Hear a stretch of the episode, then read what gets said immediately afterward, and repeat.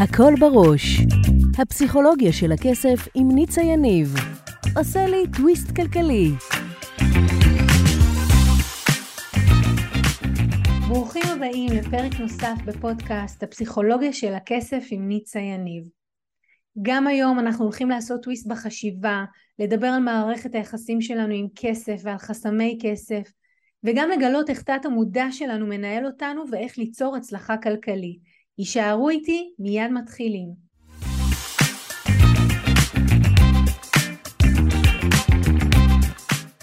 אנחנו הולכים לדבר על הצלחה כלכלית. אנחנו נרצה להבין מה הקשר בין הבית שבו גדלנו, איך שההורים שלנו חינכו אותנו, לכמה אנחנו יכולים, מסוגלים, מגיעים להצלחה כלכלית. כי אחד הדברים שהרבה לקוחות אומרים לי, אומרים לי, תקשיבי ניצה, אני רוצה להצליח. אני רוצה להרוויח מספיק ואני רוצה לחיות כמו שאני רוצה, ואני יודע, נקודה חשובה, תקשיבו טוב, אני יודע שאם אני אעבוד מספיק ואעשה את הפעולות הנכונות, הכל יסתדר. ואני אומרת, זה חשוב לעשות את הפעולות הנכונות, זה חשוב לעבוד, אבל גם לתורשה שלנו יש המון המון משקל לפעולות שנעשה או לא נעשה, והיום אנחנו הולכים לדבר על זה, על הקשר הזה בין הצלחה כלכלית לבין אה, מי שאנחנו וכמה שאנחנו יכולים להצליח. גם אנחנו נבין היום אה, מה אנחנו צריכים לעשות כדי לשנות את ה... נקרא לזה את השיח שהגענו איתו מבית, על מה זה הצלחה כלכלית, ואיזה משתנים משפיעים על היכולת שלנו להצליח. בקיצור, יש המון המון דברים שאנחנו הולכים לדבר עליהם.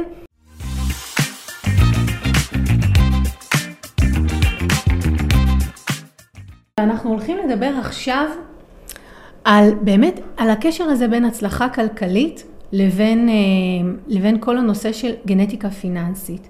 אז בואו רגע נסביר מה זה בכלל גנטיקה פיננסית ותורשה כלכלית ואיך זה קשור להצלחה כלכלית.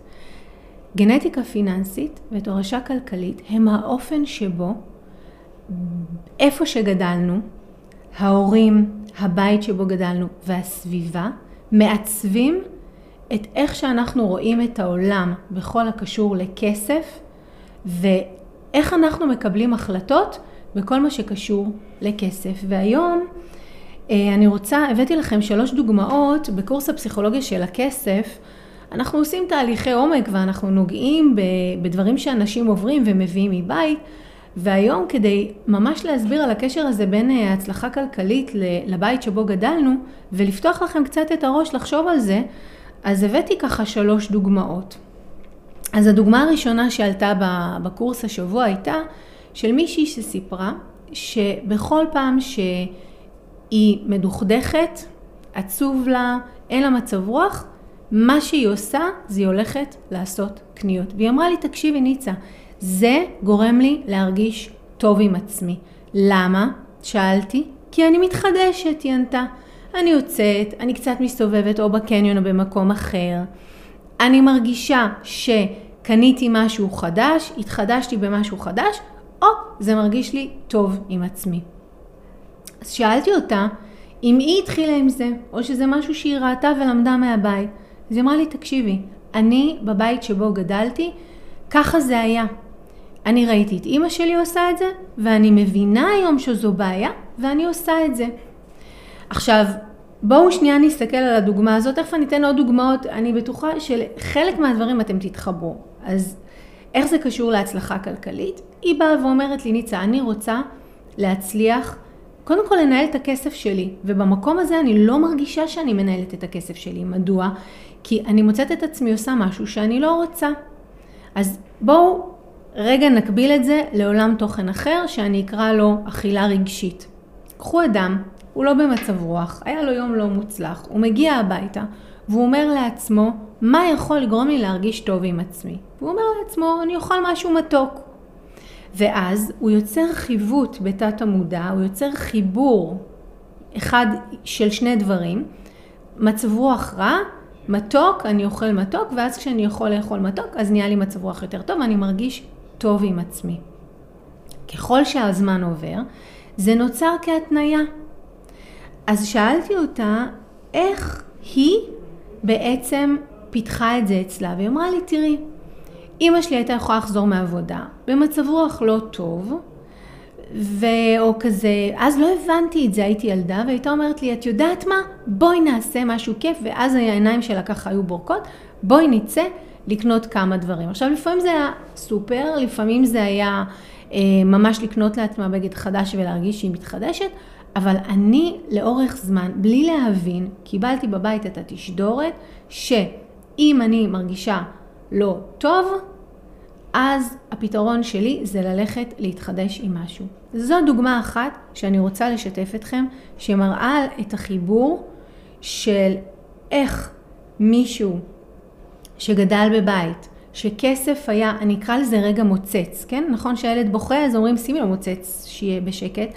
איך, איך זה השקיט את הכאב או את התחושות הקשות, איך זה ממשיך דור אחד נוסף ומשפיע על היכולת להגיע להצלחה כלכלית, כי כשלא מנהלים את הכסף, אז יודעים שהוא לא מנוהל, יש איזושהי תחושה פנימית של וואו, אני יודעת שאני עושה משהו שאני לא אמורה לעשות, אבל זה יותר חזק ממני ואני עושה אותו שוב ושוב ושוב, ואז זה לופ שחוזר על עצמו. עוד דוגמה קלאסית, ותקשיבו, אני 20 שנה בתחום, זה באמת הקלאסיקה שנמצאת בכל בית בישראל. אז אני רגע אפתח את זה מסודר. בכל בית בישראל יש כמה אחים, אלא אם יש רק אחד, אח אחד, כן? ובין האחים יש את אלה שהם יותר קרובים להורים ושהם יותר, אה, יותר מתחשבים, נקרא לזה ככה. ובכל משפחה יש את האח האחד שהוא לא כל כך מסוגל, שהוא לא יודע להסתדר עם כסף, שהוא צריך עזרה. הוא צריך, הוא לא יודע לנהל את הכסף, ובהתחלה הוא פונה להורים, גם אחרי זה הוא פונה להורים, והוא מבקש, ואחר כך זה ממשיך גם בפנייה לאחים. עכשיו, זה, הסצנריו הולך בערך ככה, ותקשיבו, זאת הסיבה שבהרבה בתים בישראל, אחד התכנותים בתת המודע הוא שכסף הורס משפחות. אז זה נראה ככה. נניח האחים כבר מגיעים לסביב שנות ה-40 בחייהם, יש את האח הזה, או האחות, שצריך לסגור לה את המינוס, כי היא כל הזמן במינוסים. שההורים נתנו לה כסף, ואיכשהו הכסף התמוסס, והיא לא מסתדרת. ויכול להיות שהיא בהתחלה עוד איכשהו הסתדרה, נישאה, הביאה ילד, אולי שניים, אולי שלושה, ואז התגרשה, והיום היא לא מצליחה לעמוד בכוחות עצמה ולנהל את החיים שלה. ואז היא פונה להורים ומבקשת שהם יתמכו בה. והרבה פעמים היא גם פונה לאחים לבקש הלוואה. ואיך אמר לי השבוע אחד הלקוחות שלי, הוא אמר לי, אני יודע שההלוואה לא תחזור ממנו.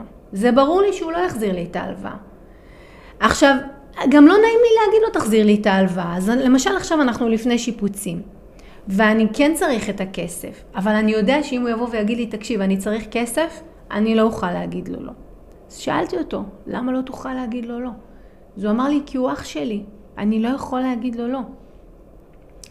ותמיד הוא גם מגיע, ואני מרגיש שהוא כזה, שהוא לא הצליח לו כמו שהצליח לי, כי אנחנו יותר מסודרים, ואנחנו זוג נשוי, וגם היא מכניסה. אבל הוא לבד, או כל אחד כן והסיפור שלו, והוא לא מסתדר עם הכסף. ואני אומרת שוב, אין, כמעט ואין במדינת ישראל משפחה שאין בה את האח הזה, תמיד יש את האח היותר מוצלח, היותר מסודר.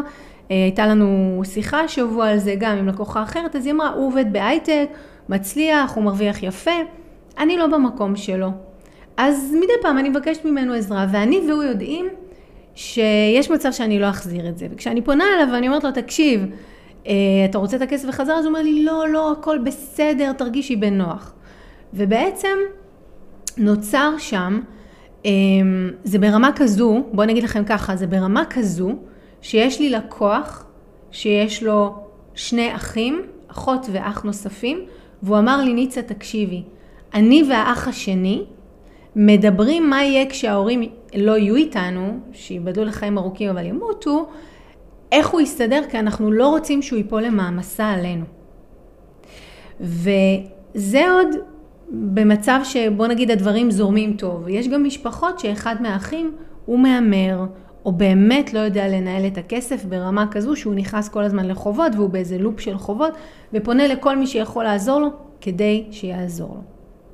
אז יש לנו פה שתי שיחות. שיחה אחת זה על המחויבות שלנו כמשפחה ואני באמת מזמינה אתכם ושואלת אתכם, תראו זה דברים שאף אחד לא מדבר עליהם, הם שם, כולם יודעים שהם שם, אתה לא תשב בארוחת שישי ותדבר עם כל החברים על איך אחיך לא מצליח לכלכל או לפרנס את עצמו ואיך אתה מדי פעם מלווה לו ולא, לא מדברים על הדברים האלה, אבל הם שם והם קיימים בכל בית.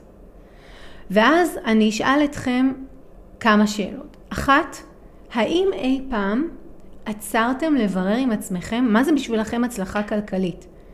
יש כאלה שיגידו לי, ניצה תקשיבי, ההורים שלי היו שכירים, בשבילי להצליח כלכלית זה להיות שכיר במקום עבודה טוב. יש כאלה שיגידו לי, היה לי אבא שעשה הרבה מאוד כסף, אבל הוא היה עצמאי והוא נפל, ולכן אני רוצה עבודה בטוחה. אז קודם כל, השאלה הראשונה שכל מי שמקשיב לי עכשיו צריך לשאול את עצמו זה, מה זה בשבילי להצליח כלכלית? מה?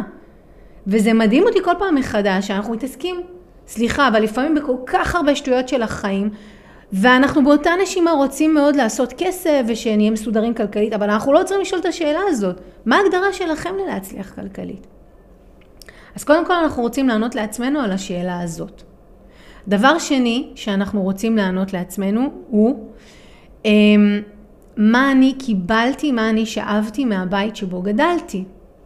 מה קיבלתי מההורים, מה ראיתי, מה הבנתי, האם הייתה אצלנו תרבות של חובות, האם היו נפילות כלכליות, האם יש לי את האח הזה שלא מסודר, שלא מצליח להסתדר, או אחות, לא משנה, אני כל פעם אומרת אח, אבל זה יכול להיות אחות, שלא מסתדרים בכוחות עצמם וצריך לתמוך בהם, ואם כן, איך אני מול זה? אז זאת שיחה אחת שיש לנו, על עצמנו מול הדבר.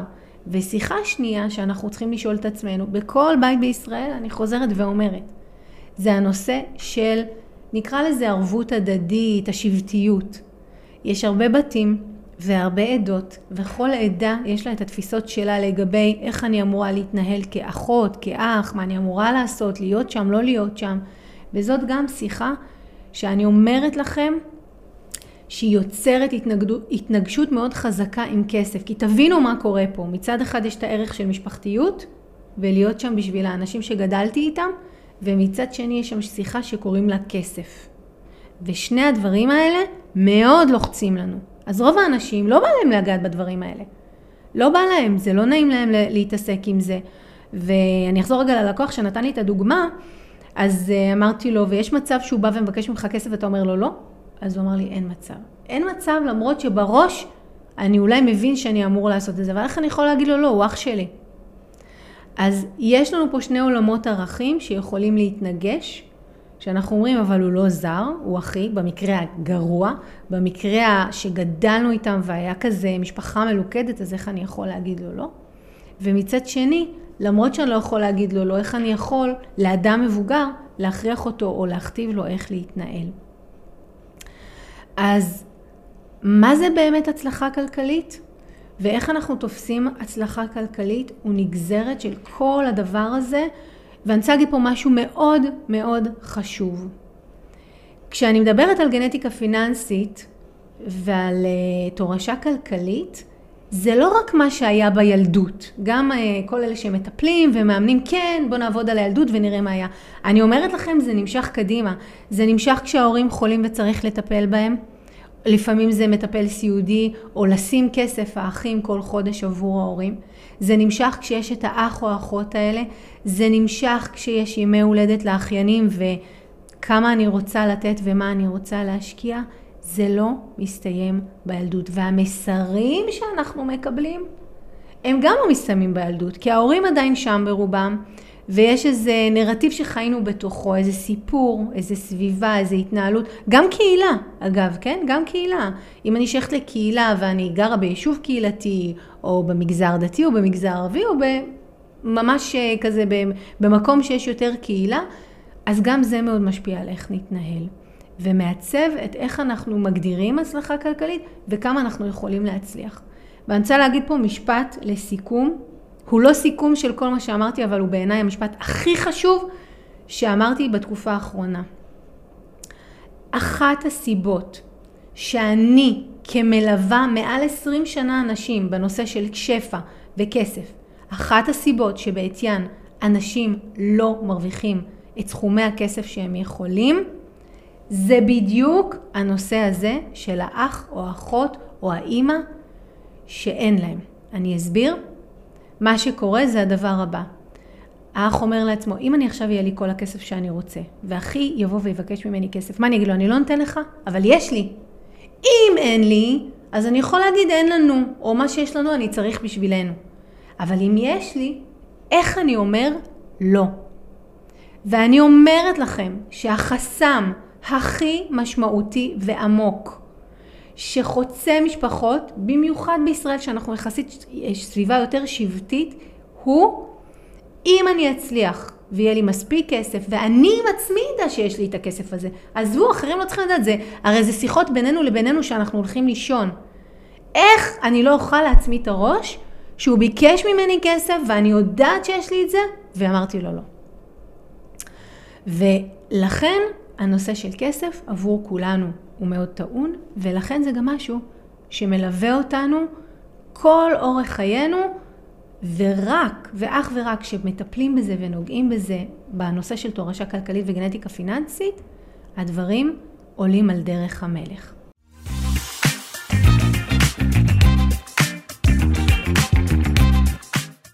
אני רוצה רגע להגיד משהו ככה, כי השיח הקודם היה מאוד לוחץ. אני רוצה להגיד יותר ממשהו אחד, אני רוצה להגיד כמה דברים. אחד, מה שתיארתי חוצה עדות וחוצה גבולות, בתור מי שחיה, ואני חייתי אה, מעל עשר שנים, חייתי במפרץ הפרסי, חייתי בתאילנד, חייתי בפרו וחייתי בדרום אפריקה.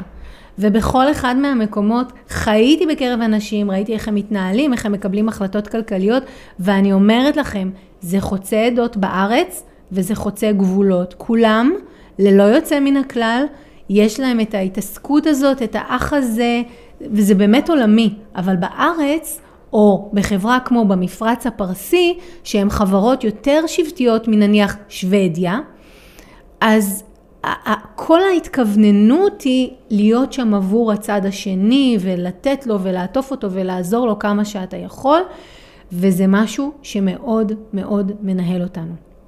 דבר נוסף שאני רוצה להגיד, זה הנושא של, אמ, הנושא של מה אנחנו, לא, אני רוצה, אני אנסח את זה מחדש, אני רוצה לשים את הכותרת. מה הם שני הדברים שיקבעו אם נצליח כלכלית? אז בואו שנייה נדבר על זה. הדבר הראשון שיקבע אם נצליח כלכלית זה, כמו שהסברנו, מה ראינו בבית. איך היינו, מה היה השיח. אני יכולה להגיד לכם שבהרבה בתים ההורים הורישו כמו צוואה שבעל פה שאמרה, אני סומכת עליכם, שתדאגו אחד לשני כשאני לא אהיה כאן.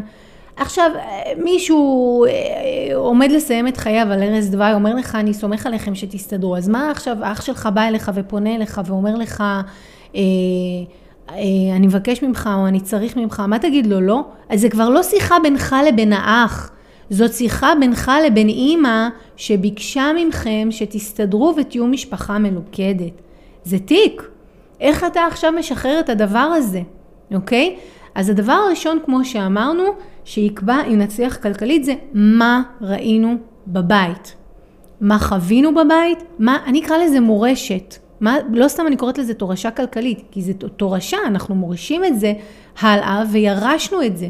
ועל זה רגע אני רוצה להגיד מילה, אנחנו גם מורישים את זה הלאה. אנחנו אומרים לילדים שלנו, תדאגו אחד לשני, הוא אחיך, תדאג שהוא יהיה בטוב. עכשיו, אנחנו אומרים את זה, לפעמים בכלל לא בהקשר כספי, אבל החיבור נעשה לילדים.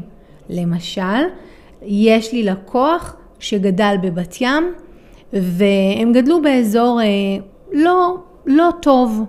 היו שם אה, המון גם עבריינים, ואחד הדברים שאימא שלו הייתה אומרת לו זה, אם מרביצים לאחיך והוא בא אליך, אתה צריך לשמור עליו, תדאג לו שהוא יהיה בטוב. והוא באמת היה עושה את זה במשך שנים. הוא היה, אחיו היה קורא לו, הם באו להרביץ לי, הוא היה הולך מביא את החברים שלו, והם היו מחזירים לאלה שפגעו באחיו.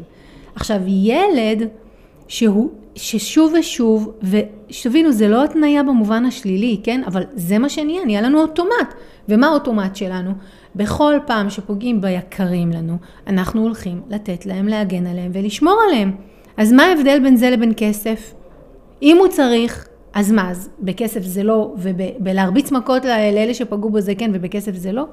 אז זה שם, וזה מנהל אותנו מה שראינו בבית. זה דבר אחד. ויש דבר נוסף, וזה הכל בראש, אוקיי? בסופו של דבר, כל הדברים שתיארנו, מתחילים קודם באיזושהי שיחה בראש. ההורים כבר לא שם, אבל אנחנו הרבה פעמים שומעים אותם מדברים בתוכנו. אמ, כי כילד אתה רוצה להיות ילד טוב, ואתה רוצה להיות בסדר עם ההורים, ואתה רוצה לעשות מה שצריך. ולכן, כילד, אתה כל הזמן מחזק בתוכך את הקול של ההורה. אני אסביר את זה שוב במילים אחרות, כי זה עמוק וזה מאוד חשוב. כל ילד רוצה להיות ילד טוב, ולהיות ילד טוב אומר להבין מה האג'נדה של אמא ואבא, מה ההגדרה שלהם ללהיות מה שהם מבקשים. אז איך אנחנו עושים את זה? אנחנו מתחילים כמו לקיים שיחה פנימית נוספת, שהיא הקול של ההורים, אמ, ואנחנו מתחילים לדבר את זה בתוכנו. למשל, אם אני אוכל עכשיו משהו מתוק, זה לפני ארוחת צהריים, אז לא יהיה לי מקום לצהריים. אמא לא תאהב את זה. ככה מתחילה השיחה הראשונית. ואז זה ממשיך ב... עכשיו, כשאתה מתבגר ואתה גם מורד, אז לפעמים אתה עושה דווקא, כי אתה יודע מה האג'נדה שלהם, אז אתה יכול לעשות להם דווקא. אתה צריך להבין את האג'נדה שלהם כדי למרוד בה. אבל מה זה אומר? שהבסיס שלך הוא שאתה מבין מה האג'נדה שלהם שאומרת מה זה ילד טוב. ויש את זה שאתה אומר, אוקיי, אני רוצה לעשות מה שצריך, אני רוצה להיות ילד טוב. אז בעצם, כשאני אומרת שהדבר השני שיקבע אם נצליח כלכלית הוא הקול שלנו בראש, אז אנחנו מבינים שיש לנו שני קולות בראש. אחד זה הקול שלי, כאדם פרטי. מה אני חושבת, איך אני רואה את החיים, כי בואו, באיזשהו מקום יצאנו מהבית, היינו חלק שירתו בצבא, אה, יש לנו, הקמנו משפחה, ופגשנו עוד אנשים, קיבלנו השראה, התפתחנו, גדלנו.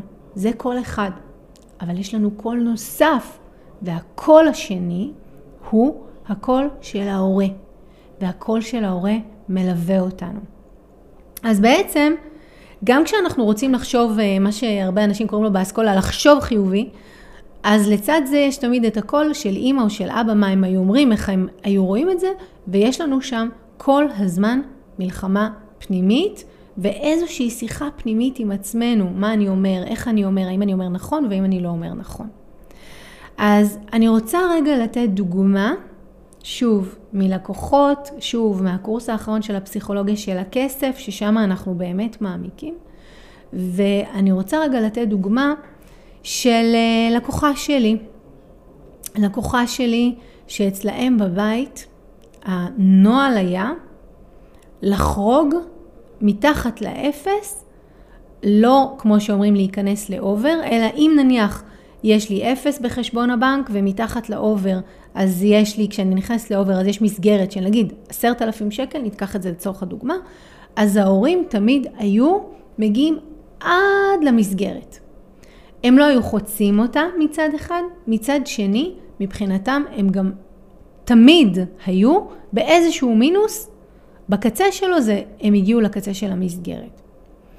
ואז, השבוע, קיימנו שיחה, ודיברנו על הדברים. ואז היא אמרה לי, תשמעי ניצה, אני עכשיו נמצאת במקום שאני צריכה להחזיר כסף על מענק שקיבלתי לקורונה. היא עצמאית, היא קיבלה מענק לקורונה, בדיעבד אה, היא קיבלה מייל שאומר שהיא לא זכאית למענק, לא משנה הסיפור, אבל זה באמת מה שקרה, ואז אמרו לה, את צריכה להחזיר את הכסף והיא צריכה להחזיר איזשהו סכום. אז היא אמרה לי, תראי, אם אני הולכת להחזיר עכשיו את הסכום הזה, זה בסדר לי כי אני מגיעה עד לקצה של המסגרת.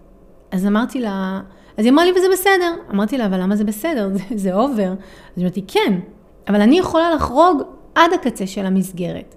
אמרתי לה, טכנית, נכון. מעשית, למה שתעשי את זה?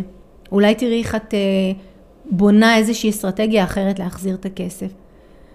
ואז התפתחה שם שיחה בינינו, על בכלל מתי overdraft, מתי מינוס בבנק זה מינוס. אז היא אמרה לי, מינוס זה לא כשיורדים מתחת לאפס. מינוס זה כשחוצים את המסגרת. אמרתי לה, אוקיי, את יודעת שטכנית מבחינת רגולציה, מרגע שחצית את האפס בחשבון הבנק, את במינוס, גם אם זה בשקל. אז איך הגעת לזה? אז היא אמרה לי, תשמעי, בבית שבו גדלתי, זה היה השיח. אמא שלי, הייתי שומעת את אמא שלי גם אומרת לאבא שלי, עוד לא הגענו לקצה, עוד לא הגענו למסגרת. כל הזמן היה שיח על מסגרת. עכשיו, ישבנו ושאלתי אותה, מה, מה אימא הייתה אומרת, אז היא ביטאה את זה, ומה את חושבת, מה הקול הפנימי שלך אומר, והיא אמרה, הקול הפנימי שלי אומר, שלא בא לי להגיע לקצה של המסגרת, כי אם חודש הבא משהו לא יסתדר מבחינת הכנסות, אז אני חוצה את המסגרת, ומסגרת זה לא משהו שאני רוצה לחצות אותו. אז אמרתי לה, אוקיי, אז איפה הדברים מתיישבים? היא אמרה לי, לא יודעת. אז אמרתי לה, בואי נבנה אסטרטגיה אחרת. וישבנו לבנות אסטרטגיה אחרת לאיך היא מחזירה את הכסף שנתנו לה, ולא מגיעה לקצה של המסגרת. ואני אספר לכם מה קרה ב-45 דקות שהגיעו אחרי. היא הייתה בהתנגדות. כל הצעה שהעלינו, גם היא וגם אני, לא נראתה לה. באיזושהי נקודה, אחרי 45 דקות, אמרתי לה, תקשיבי, את מבינה שאת בהתנגדות, נכון? למה את בהתנגדות? אז היא אמרה לי, אני בהתנגדות, כי סליחה, אבל להגיע למסגרת, לקצה שלה, זה לא כזה מרגיש לי מינוס. אז זה מרגיש לי בסדר, אני רגילה לזה, אני גם עושה את זה כל החיים, אז למה זה כזה big deal? אז אמרתי לה, תקשיבי, את באת אליי כדי לשנות את התודעה, את באת אליי כדי להצליח כלכלית.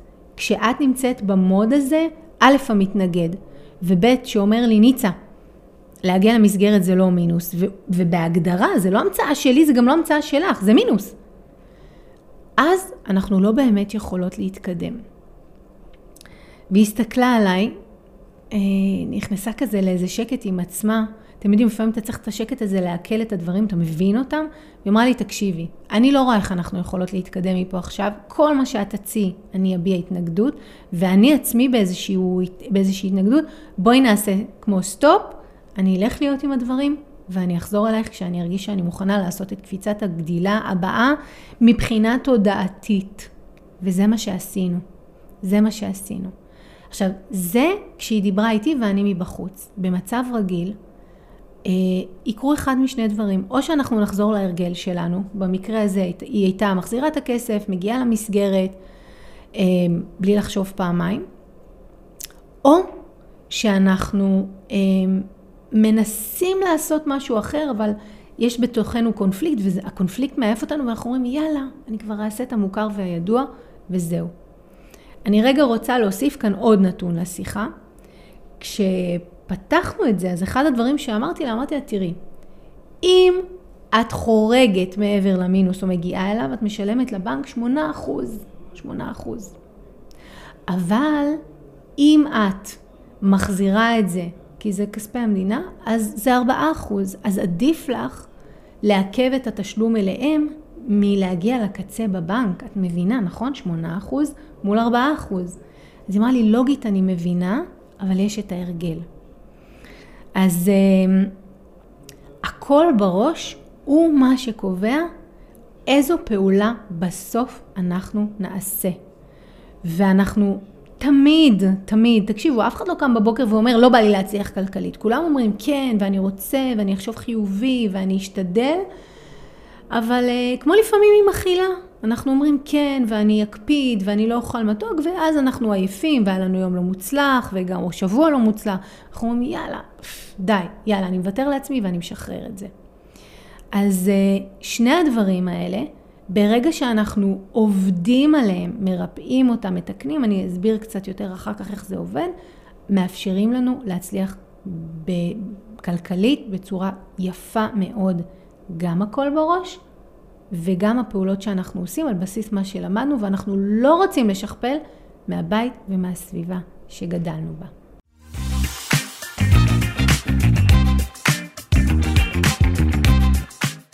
אז אנחנו הבנו בעצם מה הקשר בין הצלחה כלכלית לגנטיקה הפיננסית שלנו ולתורשה הכלכלית.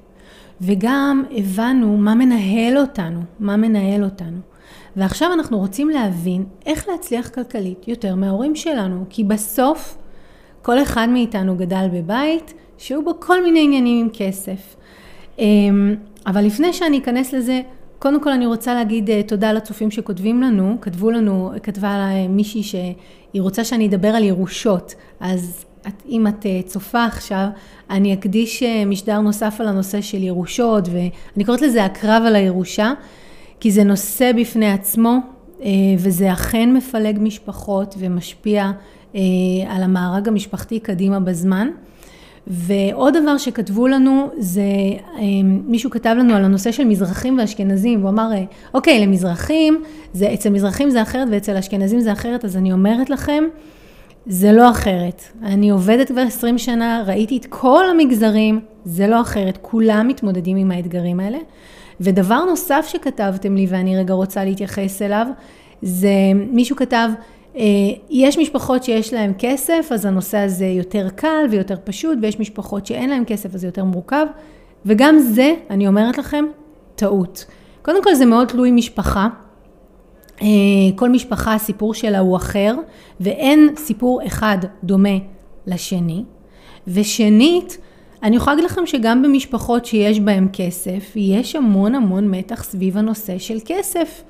אה, מי נותן, למי יש יותר, יש תחרות, וגם במשפחות עשירות יש את האח הזה, שהוא, גם אם הוא ירש כסף, אה, הוא לא יודע לנהל אותו, והוא שורף אותו, ואז האחים האחרים צריכים לראות איך הם מנהלים את זה, ובקיצור, מורכב לכל המגזרים, לכל העדות, ואני גם אמרתי מלכתחילה או מקודם, בכל המדינות, וגרתי בארבע יבשות שונות שנתנו לי, נקרא לזה חשיפה מאוד מייצגת לעולם שיש היום.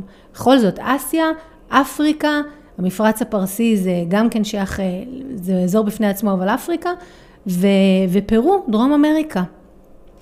אז אני רגע רוצה להגיד על מה לעשות כדי להצליח כלכלית יותר מההורים שלנו. אז הדבר הראשון שאנחנו רוצים לעשות, אני קוראת לו, השלב הראשון הוא מיפוי. קודם כל אני רוצה למפות מה היה לי בבית, על ברכי מה גדלתי, אילו דברים, תקשיבו, אף ילד לא הולך וההורה אומר לו, לגבי כסף, תעשה ככה או תעשה ככה. לא, זה דברים שאתה שומע בבית, שיחות בין ההורים, התנהלויות.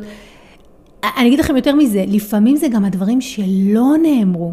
אתה מסתכל על ההורים ואתה רואה ביניהם כזה איזה, כמו אה, חילופי דברים או חצאי משפטים ואתה עושה את ההשלמה. אז קודם כל אנחנו עושים מיפוי. השלב השני זה להבין מה זה בשבילי הצלחה כלכלית. מה זה בשבילכם הצלחה כלכלית? האם משרה בטוחה? מעל 30 אלף, מתחת ל-30 אלף, לחצות את המיליון, אה, שיהיה לכם בית בלי משכנתה, תקשיבו. פגשתי אלפי אנשים כל החיים, כל אחד וההגדרה שלו להצלחה כלכלית היא שונה. כשחייתי במפרץ הפרסי, וכל רכב שני, חייתי באומן, בנסיכות, וכל רכב שני הוא למבורגיני או פורשה, אז ההגדרה שלהם להצלחה כלכלית הייתה אחרת מההגדרה פה בישראל.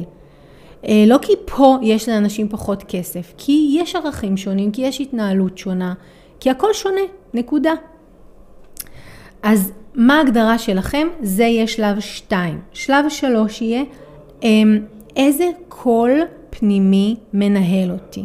תקשיבו, זה עמוק. זה קודם כל להבין מה הקול שלי. מ, מ, לא, בלי קשר להורים, כן? מה הקול שלי ניצה, שלי דנה, על הצלחה כלכלית ועל התנהלות כספית בכלל. כי אני אגיד לכם שרוב האנשים לא יודעים להפריד בין הקולות. הם הרבה פעמים חושבים שהם חושבים את עצמם, אבל הם בעצם חושבים את הקול של אחד ההורים שלהם. אז אני צריכה ללמוד להבחין בין הקול שלי לקול של ההורים או הסביבה שמנהלת אותי. ואם אתם גם כבר נשואים או במערכת יחסים מחייבת, איזושהי, אז יש שם קול נוסף, כן? מה הוא יגיד עליי, מה הוא יחשוב עליי, מה היא תגיד עליי, איך היא תראה את זה. אז יש לנו פה עוד קול. צריך לעשות סדר בין הקולות ולהבין אותם. והדבר האחרון, וואו, הוא להעמיק, להעמיק בעבודה העצמית, כדי שזה לא יהיה אוטומט, כי בסוף, כשאני רואה נעליים ב-650 שקל, אז אם בבית שלי 650 שקל היה הרבה, אז אני מסתכלת על הנעליים, תקשיב, זה לא דבר שאנחנו חושבים עליו בכלל, אז אני אומרת לעצמי, וואו, 650 שקל, מלא כסף. או לחלופין, אם גדלתי בבית, שכשהייתי רואה זוג נעליים, אז האבא היה אומר, והייתי מתלבטת נגיד בין זה לבין זה, אז הוא היה אומר, קחי בכל הצבעים. אז אני נכנסת, אני רואה את הזוג נעליים, ואני אומרת, אוקיי, בא לי גם בשחור וגם בחום. שתי דוגמאות שונות, שני בתים שונים. בשני המקרים חשבתי שהמחשבה היא שלי, אני עומדת מול הנעליים ואני חושבת את זה, אבל זה יושב על משהו עמוק. אז אנחנו רוצים לעשות, אחרי התובנה, ריפוי, לשחרר את חסמי הכסף שיש לנו, לעזור לעצמנו להיות במקום שאנחנו יוצרים תורשה כלכלית וגנטיקה פיננסית חדשה לילדים שלנו. לא אה, לעשות אה, מכוח האנרציה מה שקיבלנו בירושה, כן? אחלה ביטוי, כן? לקבל בירושה חסמי כסף. זה עוד ירושה שבין הדברים הטובים שמעבירים לנו.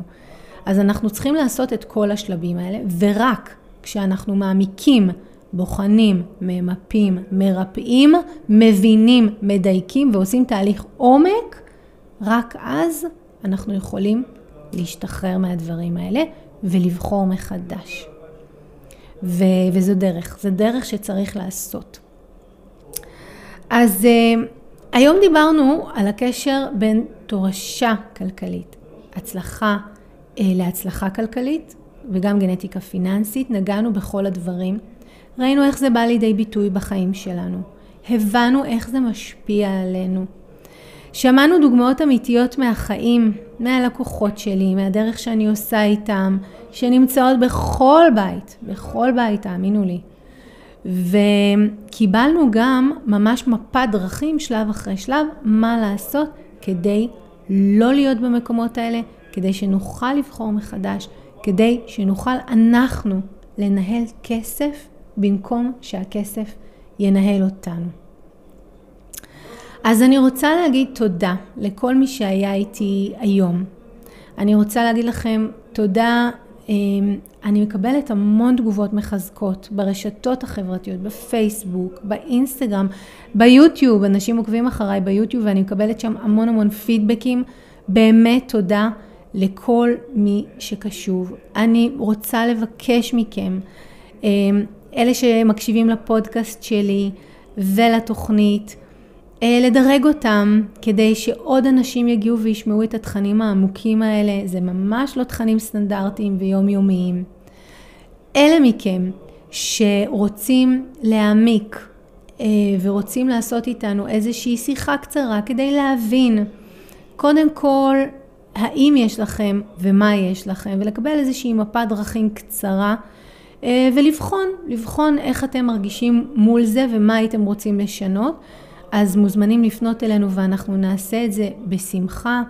אה, גם נדבר איתכם, גם נשמע מה יש לכם להגיד, וגם אה, אלה מכם שירצו להעמיק, נציע לכם את המסלול הכי מהר, שאני אומרת לכם, בוודאות הוא עושה שינוי מהותי, הוא עשה לי, הוא עושה ללקוחות שלי מדי יום, להגיע למקום שאתם רוצים. תראו, בסוף זה מדהים אותי, אני הולכת להגיד פה משפט מחט. בסוף זה מדהים אותי שאנשים דואגים לפנסיה. אבל הם לא מבינים שהתורשה הכלכלית והגנטיקה הפיננסית שקיבלנו מההורים שלנו, היא הפנסיה שלנו. ובדיוק כמו שאנחנו דואגים שכשאנחנו נכנסים למקום עבודה, המעסיק יפריש לנו כסף לפנסיה, בדיוק באותו האופן, אנחנו צריכים לדאוג, אנחנו, כן, פה אין מעסיק, לראות איזה פנסיה אנחנו משאירים קודם כל לעצמנו, מבחינת אה, אה, תועלות כסף ולא חסמי כסף, וגם לילדים שלנו, כי בסוף הכספים שלכם לפנסיה לא רק ישרתו אתכם, הם יעברו לדור הבא, וגם החסמי כסף שקיבלנו, גם התורשה הכלכלית, עוברת דור אחד נוסף לילדים שלנו, משפיעה מאוד שמה, וכמו שאני דואגת לי לפנסיה, הפנסיה צריכה להיות גם באה לידי ביטוי כאן. בסדר?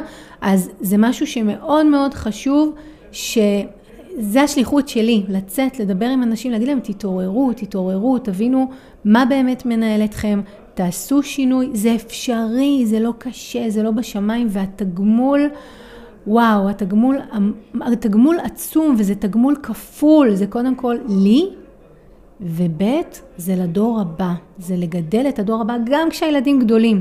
אני אומרת לכם, אני רואה את זה עם הלקוחות שלי, גם כשהילדים גדלים, ברגע שאנחנו מורישים תורשה אחרת, אז זה עובר והם יכולים יותר בקלות להצליח כלכלית ולנהל את הכסף אה, פיננסית נכון. אז תודה שהייתם איתי גם היום. אני מזמינה אתכם להמשיך ולעקוב, ועד הפעם הבאה שניפגש, תהיו טובים עם עצמכם.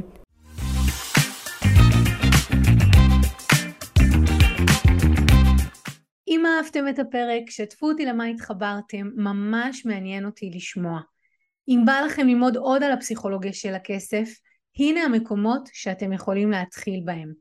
באתר ניצayניב.com תוכלו להזין לתוכנית הרדיו השבועית שלי שנקראת הכל בראש וגם להצטרף לקבוצת הפייסבוק שלי הפסיכולוגיה של הכסף עם ניצה יניב. אם אתם עדיין לא עוקבים אחריי בפייסבוק, באינסטגרם או ביוטיוב זה בדיוק הזמן לעשות את זה.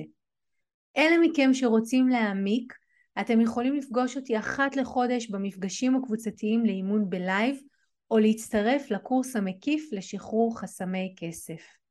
תמיד תזכרו, השינוי שלכם עם כסף מתחיל כאן, במקום שבו כסף ותודעה נפגשים. ניפגש בפרק הבא.